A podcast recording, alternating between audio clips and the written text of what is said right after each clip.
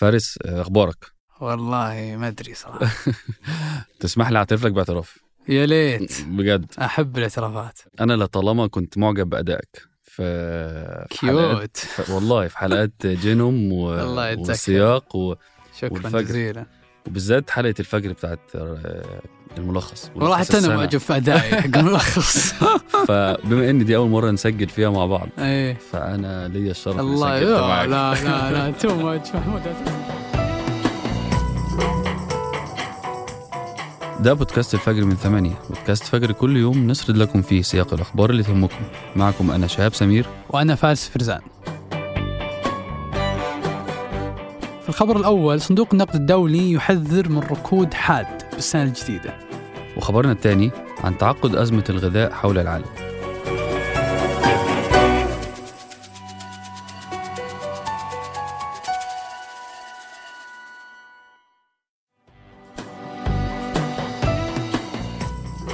مع الأيام الأولى من العام الجديد 2023 حذر صندوق النقد الدولي من أن ثلث الاقتصاد العالمي يتعرض لركود حاد.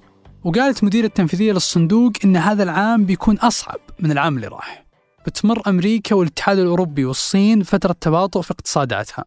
هذه التصريحات عموما ميب جديدة فالصندوق خفض توقعاته للنمو الاقتصادي العالمي للعام الحالي قبل شهرين. لكن ليش يصر صندوق النقد على هذه التوقعات على الرغم من تراجع تداعيات كورونا وعودة الدورة الطبيعية للاقتصادات وانتعاش السياحة؟ فالصندوق أكد أن الركود بيأثر بشكل أساسي على ثلث الاقتصاد العالمي. هذا يعني أن مو بكل الدول بتعاني من نفس المشكلة إلا أن بعض الدول ممكن الناس فيها تحس بالركود هذا. هذا الشيء بيظهر كسلوكيات في الحياة اليومية من بينها التخوف في الإنفاق والتحوط في الاستهلاك. عموما الركود معناه أن اقتصادات دول الكبرى بتعاني من التباطؤ في النمو. وفي بعض الحالات يقاس الركود بارتفاع معدلات البطالة في البلد الواحد خلال فترة معينة. ففي كثير من الاقتصادات تعاني الدول من فقدان الناس الوظائف. بسبب هذا الشيء تقل قدرتهم على الإنفاق ويتقلص الطلب على السلع والخدمات. عموما من بين المؤشرات الفردية اللي تنذر بالركود في 2023 هو مؤشر ثقة المستهلكين اللي يقيس مدى الحالة المزاجية سواء بالتفاؤل أو التشاؤم. يرجح الخبراء احتمالية حدوث الركود الاقتصادي في العالم هذه السنة لعدة أسباب من بينها استمرار الحرب في أوكرانيا وارتفاع أسعار الفائدة وارتفاع الأسعار بشكل عام. فالحرب الروسية الأوكرانية هي واحدة من الأسباب الرئيسة للركود المتوقع في 2023 فغزو بوتين لأوكرانيا السنة راحت أدى إلى أكبر حرب في أوروبا من 1945 والحرب ما زالت مستمرة حتى أن الحين في توقعات أنها بتستمر لمدة أطول. أما العقوبات اللي أعلنت عنها أوروبا وأمريكا ضد روسيا فهي الأكبر من نوعها من أكثر من 80 سنة. كل هذه الأحداث فاقمت من تراجع إمدادات الطاقة وارتفاعها بشكل جنوني من أول يوم الحرب. هذه التداعيات هي اللي تقود اليوم لارتفاع معدلات تضخم لمستويات قياسية. فالتضخم الحالي في أوروبا وأمريكا هو كذلك الأكبر من الثمانينات. أمريكا كانت في حالة ركود من النصف الأول من السنة راحت ومع إعلان ارتفاع أسعار الفائدة من الاحتياطي الفدرالي الأمريكي والبنوك المركزية الكبيرة صارت احتمالات حدوث ركود كبير في 2023 عالية جدا وتشير التقديرات أن أوروبا اللي تضررت بشدة من ارتفاع أسعار الطاقة فهي كذلك قاعد تتجه للركود كبير. فرغم أن المحللين يقولون أن أسباب الركود في أوروبا سببها الحرب الروسية الأوكرانية ونتيجة ارتفاع أسعار الطاقة إلا أن بعضهم يأكد أن التحديات الحالية هي نتاج سياسات أوروبية سابقة. فأوروبا اعتمدت بشكل كبير على الغاز الطبيعي الروسي في الفترة من 2011 حتى 2021 هذا بالنسبة للغرب. أما في الشرق فالوضع متفاوت.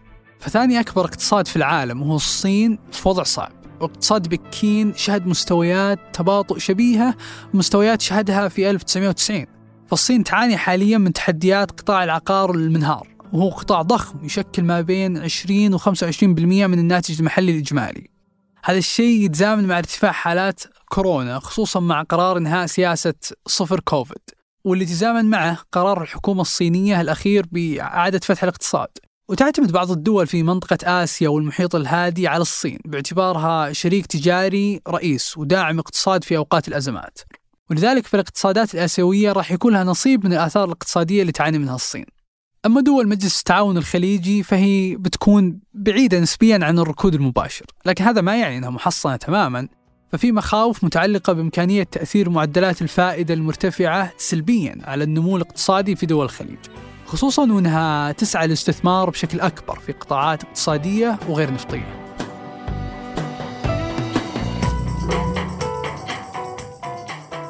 لو هنحلل فارس عدد مرات البحث عن أزمة الغذاء بجوجل مع مرور الوقت هنلاقي إن في السنين اللي فاتت البحث ده وصل لقمته مرتين. الأولى ما بين 5 إلى 11 أبريل 2020 مع بداية تطبيق الحجر الصحي لمواجهة كورونا بأغلب الدول حول العالم. والتانية كانت في يونيو السنة اللي فاتت بعد ما زادت مشاكل إمدادات الغذاء بعد غزو أوكرانيا. واللي بحسب تقرير لنيويورك تايمز منها حالة التعطل والتكدس الكبيرة اللي بتعاني منها شاحنات نقل القمح الأوكرانية بالبحر الأسود. والنهاردة بيقول وزير خارجية أمريكا إننا حول العالم والأسباب اقتصادية ومناخية وسياسية بنعيش بأزمة غذاء.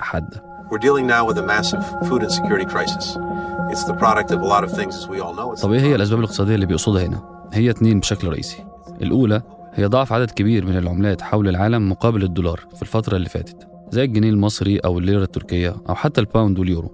واللي بيحصل لما أي عملة تنزل قيمتها مقابل الدولار هو إنه بيبقى أغلى عليها استيراد أي حاجة من بره. فبالنسبة للدول اللي بتعتمد على الاستيراد بأمنها الغذائي وبنفس الوقت نزلت عملتها مقابل الدولار زي مصر ولبنان وغيرهم يعني أصبح استيراد الغذاء أصعب وأكثر تكلفة وده زاد من الأزمة أكتر للدول دي والسبب الثاني هو مشاكل إنتاج وسلاسل الإمداد للغذاء اللي حصلت بسبب إجراءات مواجهة كورونا زي منع التجول وتقييدات السفر وغيرها. أما الأسباب المناخية فهي مشاكل الطقس بالسنة اللي فاتت بسبب التغير المناخي اللي بيعيشه العالم منها مثلا حالة الجفاف المستمرة من ثلاث سنين بأمريكا والبرازيل والأرجنتين واللي هم من أكبر مصدري القمح بالعالم.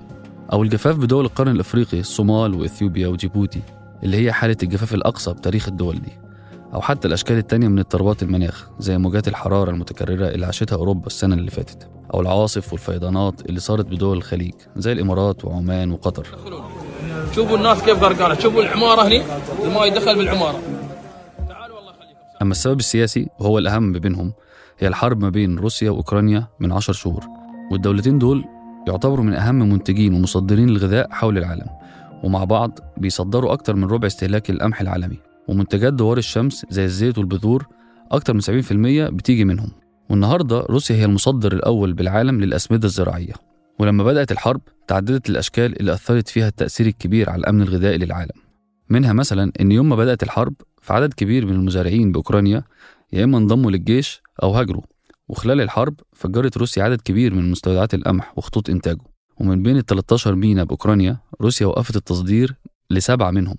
وبعد العقوبات اللي انفرضت عليها بسبب الحرب وقفت روسيا جزء كبير من صادراتها الغذائية وبالذات الأسمدة الزراعية اللي وصلت بمارس السنة اللي فاتت لأعلى سعر بتاريخها وبسبب كل التحديات دي تصدير أوكرانيا من القمح انخفض من 5 مليون طن بالشهر قبل الحرب طبعا لأقل من 3.5 مليون طن النهارده Experts say more than 20 million tons of harvested grain is stuck.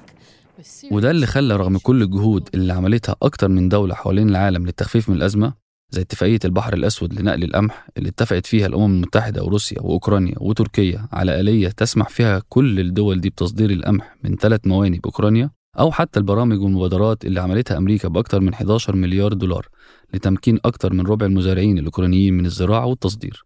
وغيرت أمريكا من سياسات بعض عقوباتها على روسيا عشان ما تتأثرش خطوط إنتاج وتصدير الغذاء. بس مع كل المحاولات دي عانى العالم السنة دي من ارتفاعات غير مسبوقة بأسعار الغذاء تراوحت ما بين 60% بدول زي أمريكا و1900% في دول زي جنوب السودان. وحسب الأمم المتحدة فإن الأزمة الغذائية اللي بيعيشها العالم النهاردة زادت من عدد اللي بيعانوا من مجاعة ل 345 مليون شخص حول العالم واللي هو أكتر من ضعف عددهم في 2019 قبل مشاكل كورونا والحرب بأوكرانيا. قبل ما ننهي الحلقة آه، في كم خبر على السريع. اقترحت ورشة عمل بإشراف المرور تغيير أوقات الدراسة في المدارس والجامعات وتحويل العمل عن بعد لبعض الشركات والجهات الحكومية عشان يعالجون الزحمة في الرياض. وقال منصور الشكرة المتحدث باسم المرور أن الورشة كان هدفها مناقشة تحديات الكثافة المرورية في شوارع الرياض. وأن المجتمعين طلعوا بمقترحات مفيدة بتساهم في حل أزمة الازدحام المروري في العاصمة. وبدأ السبت اللي راح رالي دكار السعودية 2023 واللي بيكون مستمر ل 15 يناير. فمسار الرالي بيكون من 14 مرحلة ويقطع السعودية من ينبع غربا إلى الدمام شرقا. ومسار الرالي يعد الأطول في المراحل الخاصة اللي تخضع لتوقيت زمني. ومسافته تقدر ب 5000 كيلو يقطعها المتسابقين.